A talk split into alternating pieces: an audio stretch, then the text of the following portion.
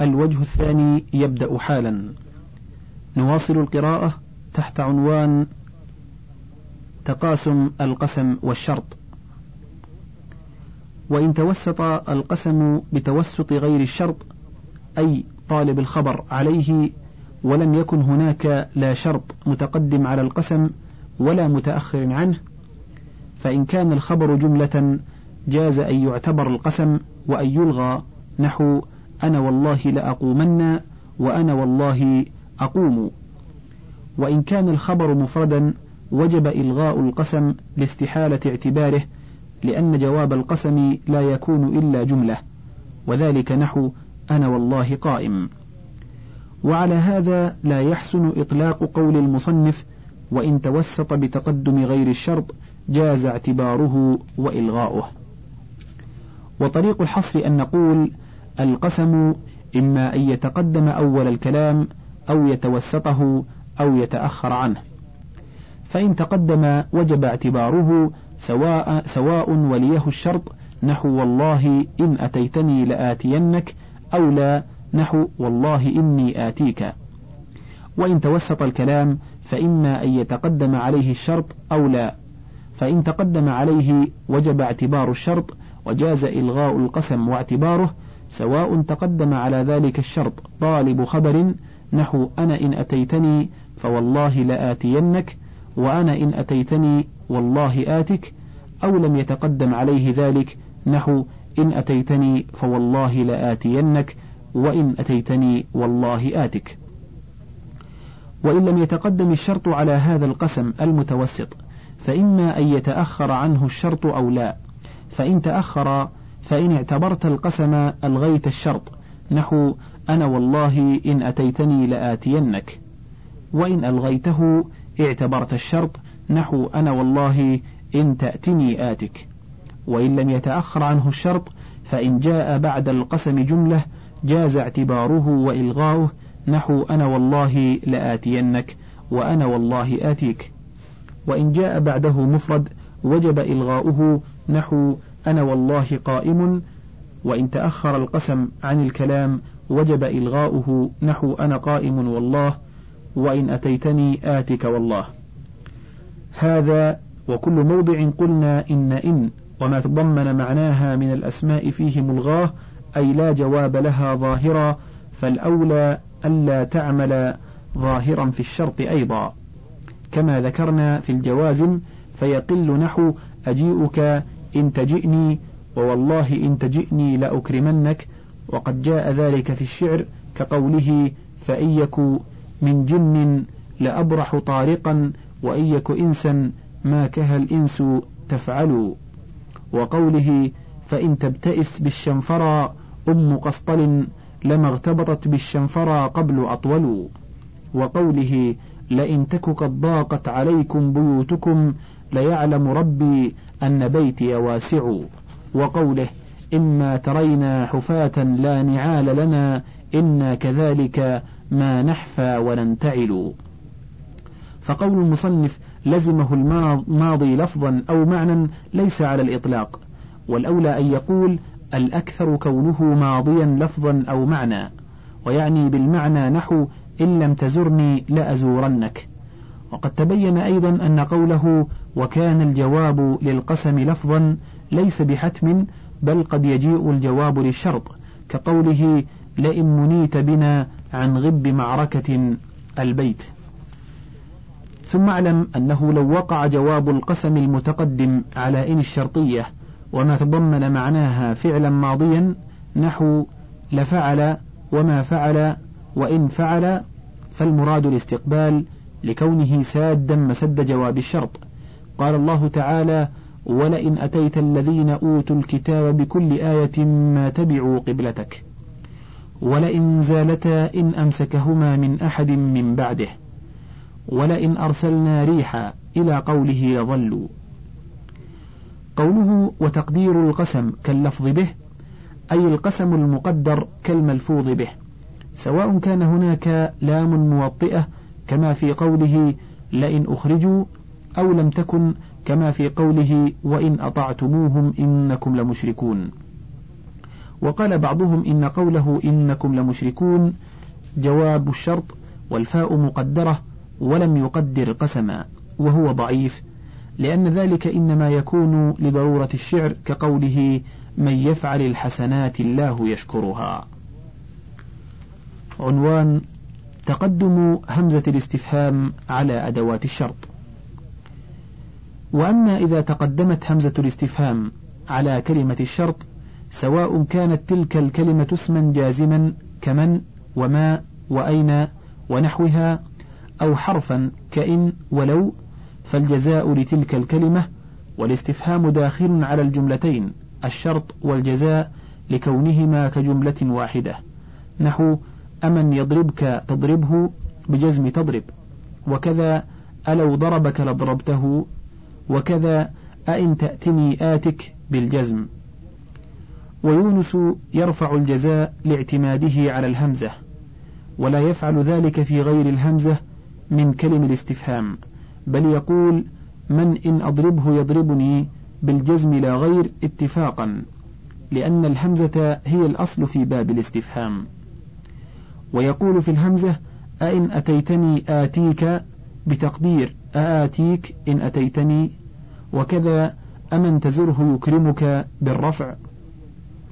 والحق هو الأول أعني مذهب سيبويه لأن كلمات الشرط إنما تلغى إذا تقدم عليها ما يستحق الجواب على ما مضى وها هنا ليس كذلك. فالأولى أن يجعل الجواب للشرط ويجعل الاستفهام داخلا على الشرط والجزاء معا كدخول الموصول عليهما معا. نحو جاءني الذي إن تأته يشكرك بجزم يشكرك.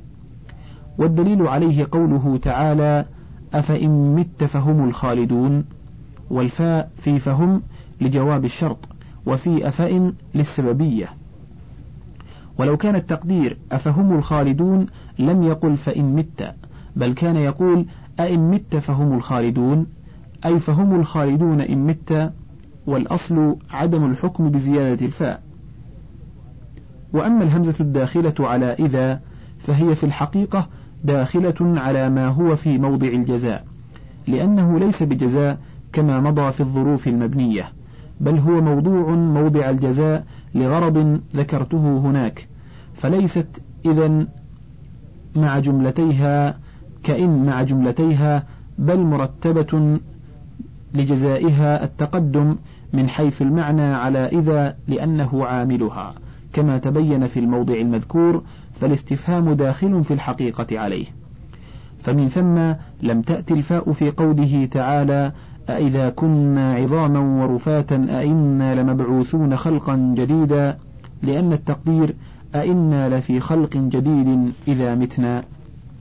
ولهذا كثيرا ما يكرر الاستفهام في إنا نحو قوله أإذا متنا وكنا ترابا وعظاما أئنا لمدينون لطول الكلام وبعد العهد بالاستفهام حتى يعلم أن حق الاستفهام أن يدخل على ما هو في موضع الجواب كما كرر قوله فلا تحسبنهم بعد قوله ولا تحسبن الذين لما طال الكلام والفاء في فلا تحسبنهم زائدة والعامل في إذا قوله لمدينون مع أن في أوله همزة الاستفهام وإن ولا يعمل في غير هذا الموضع ما بعدهما فيما قبلهما وذلك للغرض المذكور فيما تقدم. فهو مثل قولك أما يوم الجمعة فإن زيدا قائم.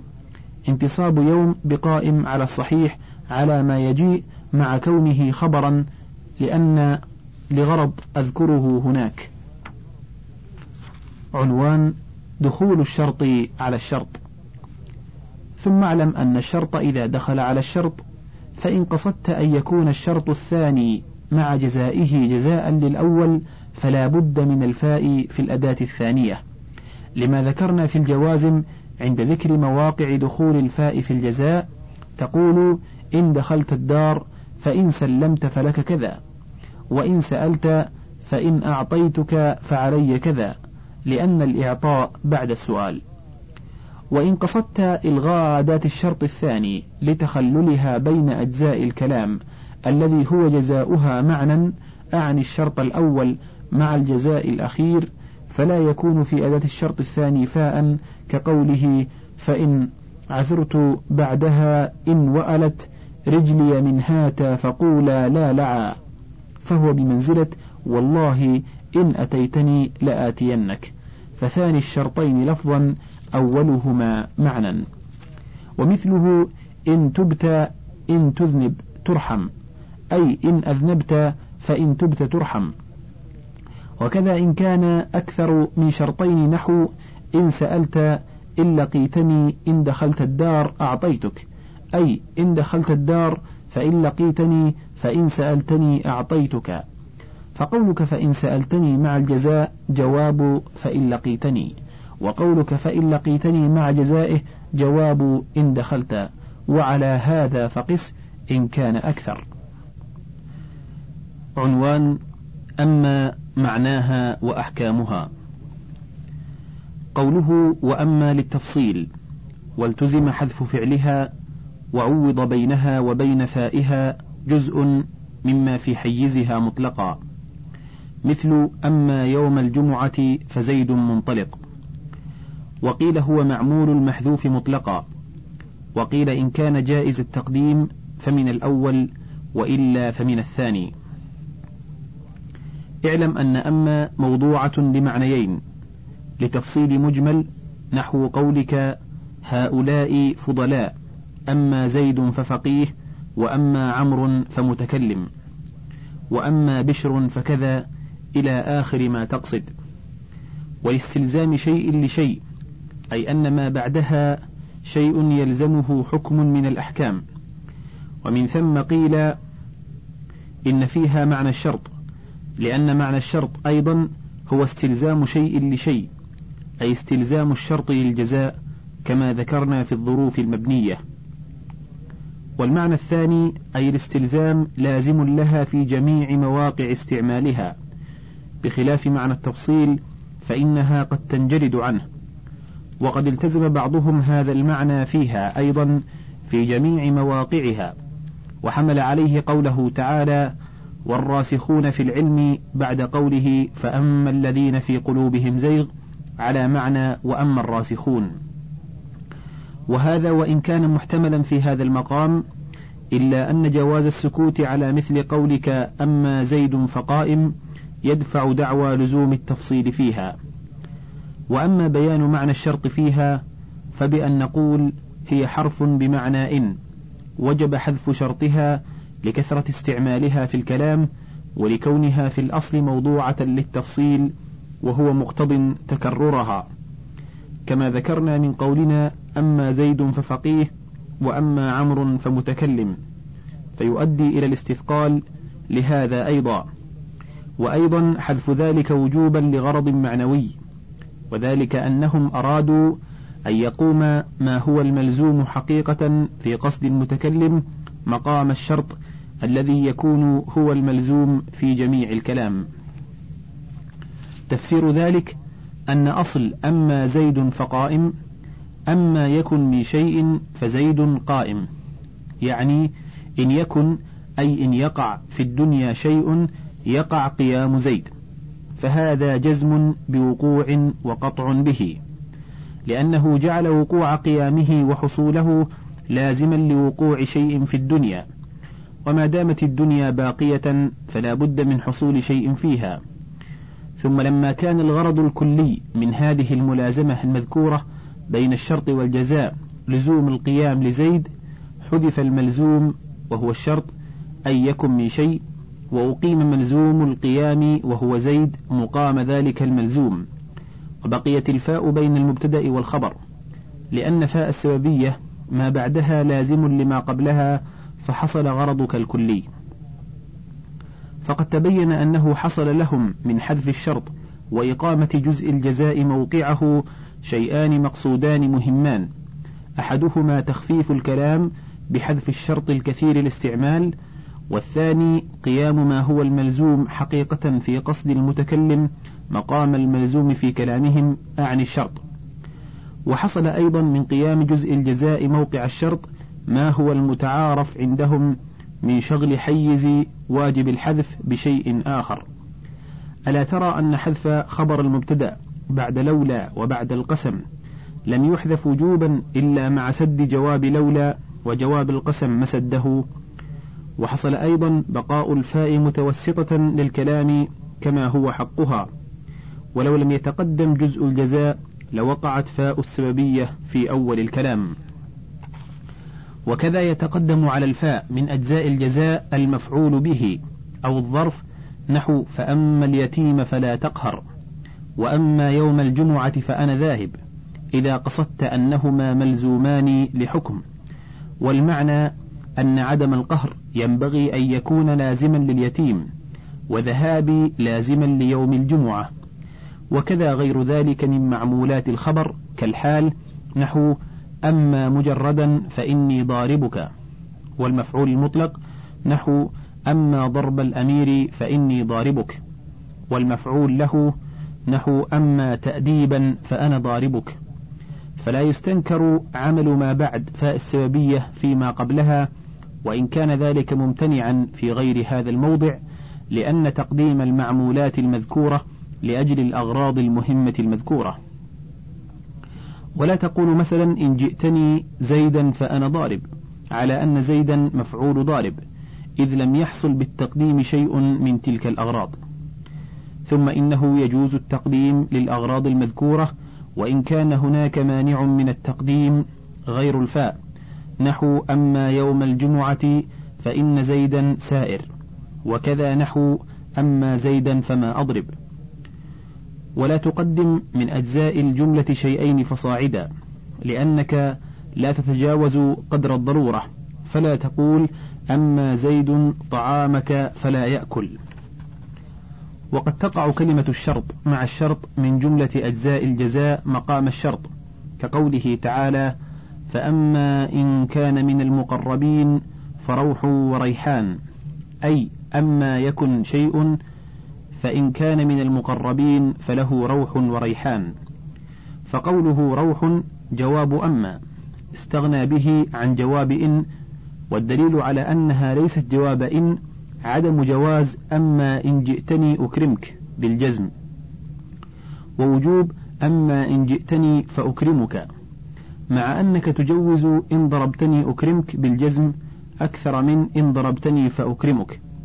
قال تعالى وأما إذا ما ابتلاه فقدر عليه رزقه فيقول. أي أما يكن من شيء فإذا ما ابتلاه يقول. وإنما وجبت الفاء في جواب أما ولم يجز الجزم وإن كان فعلا مضارعا فلم يجز أما زيد يقم لأنه لما وجب حذف شرطها فلم تعمل فيه قبح أن تعمل في الجزاء الذي هو أبعد منها من الشرط. ألا ترى أنه إذا حذف الجزاء في نحو آتيك إن أتيتني فالأصل ألا تعمل الأداة في الشرط. فالجزاء بعد الانجزام عند حذف الشرط أولى. وأما قولهم افعل وإلا أضربك. فإن من جزم الجزاء لعدم لزوم حذف الشرط ها هنا. وأما بمعنى إن كما ذكرنا. وأما تفسير سيبويه لقولهم أما زيد فقائم بمهما يكن من شيء فزيد قائم فليس لأن أما بمعنى مهما وكيف. وهذه حرف ومهما اسم بل قصده إلى المعنى البحت لأن معنى مهما يكن من شيء فزيد قائم إن كان شيء فزيد قائم أي هو قائم البتة. ويجوز أن يكون أما عند الكوفيين إن الشرطية ضمت إليها ما عند حذف شرطها على ما بينت من مذهبهم في أما أنت منطلقا انطلقت ولا تحذف الفاء في جواب أما إلا لضرورة الشعر. نحو قوله فأما الصدور لا صدور لجعفر ولكن أعجازا شديدا ضريرها. أو مع قول محذوف يدل عليه محكيه كقوله تعالى وأما الذين كفروا أفلم تكن آياتي؟ أي فيقال لهم أفلم تكن. ولا يقع بين أما وفائها جملة تامة مستقلة نحو أما زيد قائم فعمر كذا. لأن الواقع بينهما كما مضى جزء الجزاء المقصود كونه ملزوما للحكم الذي تضمنه ما بعد الفاء فلا يكون جملة تامة مستقلة. واعلم أنه يأتي بعد أما ما يتكرر ذكره بعد فائها وذلك إما مصدر مكرر ضمنا بأن يذكر بعد الفاء ما اشتق من ذلك المصدر نحو أما سمنا فسمين وأما علما فعالم. وإما صفة تكرر لفظها بعد الفاء نحو قولك أما صديقا مصافيا فليس بصديق وأما عالما فعالم ونحو ذلك. وأما غير ذلك نحو أما البصرة فلا بصرة لك وأما أبوك فلا أبا لك وأما العبيد فذو عبيد. وأما زيد فقد قام زيد. فالمنكر من المصدر والوصف يجب عند الحجازيين نصبهما ويختار يختار ذلك بنو تميم. لا إلى حد الوجوب. والمعرف من المصدر يجب رفعه عند بني تميم. على ما يعطيه ظاهر لفظ سيبويه. والأولى أنهم يجيزون الرفع والنصب فيه كما يجيء. وأما الحجازيون فإنهم يجيزون فيه الرفع والنصب والمعرف من الوصف مرفوع عند الجميع بلا خلاف. وأما غير المصدر والوصف فمرفوع عند الجميع معرفا كان أو منكرا إلا ما سيجيء. فالرفع في جميع ما يجوز فيه الرفع من ذلك على الابتداء عند الفريقين. وأما النصب فإن سيبويه ذكر أن ذلك في المصدر معرفا كان أو منكرا على أنه مفعول له عند الحجازيين. فقال شراح كلامه وذلك لأنه رآهم ينصبون المعرفة والنكرة فلا يصلح للحال فيبقى مفعولا له. فمعنى أما سمنا فسمين مهما يذكر زيد. لأجل السمن فهو سمين وكذا المعرف نحو أما العلم فعالم أي مهما يذكر زيد لأجل العلم فهو عالم. قال سيبويه ونصب المنكر عند بني تميم على الحال. قال لأنهم لما لم يجيزوا في معرف المصدر إلا الرفع. علمنا أن نصب المنكر على الحال. والعامل فيه إما محذوف قبله كما تقول في أما علما فعالم مهما تذكر زيدا عالما فهو عالم أو المذكور بعده أي عالم في مثالنا فيكون حالا مؤكدة. قال سيبويه أما الرفع في المصدر فعلى أنه مبتدأ والعائد إليه محذوف فمعنى أما العلم فعالم أي فعالم به كقوله تعالى واتقوا يوما لا تجزي نفس شيئا أي لا, تج لا تجزى فيه. أقول والدليل على أنه يجوز عند بني تميم نصب معرف المصدر أنهم جوزوا على ما حكى سيبويه عنهم أما العلم فعالم بزيد أي فهو عالم بزيد العلم فكذا ينبغي أن يجوز عندهم أما الضرب فضارب أي فأنا ضارب الناس فيكون نصب المصدر المعرف على أنه مفعول مطلق لما بعد الفاء. وأما نصب الوصف المنكر فعلى الحال عند الجميع والعامل فيه أحد الشيئين المذكورين في المصدر الواقع حالا عند بني تميم. وأقول كون المصدر المنصوب مفعولا له عند الحجازيين لا دليل عليه ولو كان كذا لجاز أما للسمن فسمين وأما للعلم فعالم. والأولى أن يقال المنصوب عند بني تميم والحجازيين في الصفة على أنه حال مما بعد الفاء وفي المصدر المعرف على أنه مفعول مطلق لما بعد الفاء. وأما المرفوع فعلى أنه مبتدأ ما بعد الفاء خبره بلا تقدير ضمير كل ذلك عند كلا الفريقين. وكشف القناع عنه أن نقول إن مثل هذا الكلام إنما يقال إذا ادعى شخص ثبوت الأشياء المذكورة أو يدعى له ذلك فيسلم السامع بعض تلك الدعاوى أو يدفع. كما تقول مثلا أنا سمين وأنا عالم. فيقول السامع أما سمنا فلست بسمين وأما علما فعالم. فهذا حال لأن المعنى أما إذا كنت سمينا وادعيت ذلك فلست بسمين. وأما إذا كنت عالما أي أبديت من نفسك العلم وتزينت به وادعيت ذلك فإن فأنت في الحقيقة كذلك. كما يقال إذا كنت مؤمنا فكن مؤمنا وإذا كنت عالما فأنا عالم مثلك وإذا كنت في أمر فكن فيه. ومنه قوله تعالى يا أيها الذين آمنوا آمنوا على أحسن التأويلات أي يا أيها المدعون للإيمان آمنوا حقيقة فالحال على هذا مما بعد الفاء والتقدير إن يكن شيء فأنت عالم عالما. أي أنت عالم حقيقة حين كنت عالما صورة وفي زي العلماء. والمصدر المنكر بمعنى الوصف حال أيضا على هذا الوجه أو نجعله مفعولا مطلقا على أن معنى أما سمنا فسمين إن يكن شيء فهو سمين سمنا. وكذا في نحو أما سمنا فلا سمن. أي أما يكن شيء فلا سمن فيه سمنا. وأما المصدر المعرف فمفعول مطلق لا غير مما بعد الفاء. فمعنى أما العلم فعالم أما يكن شيء فزيد عالم العلم.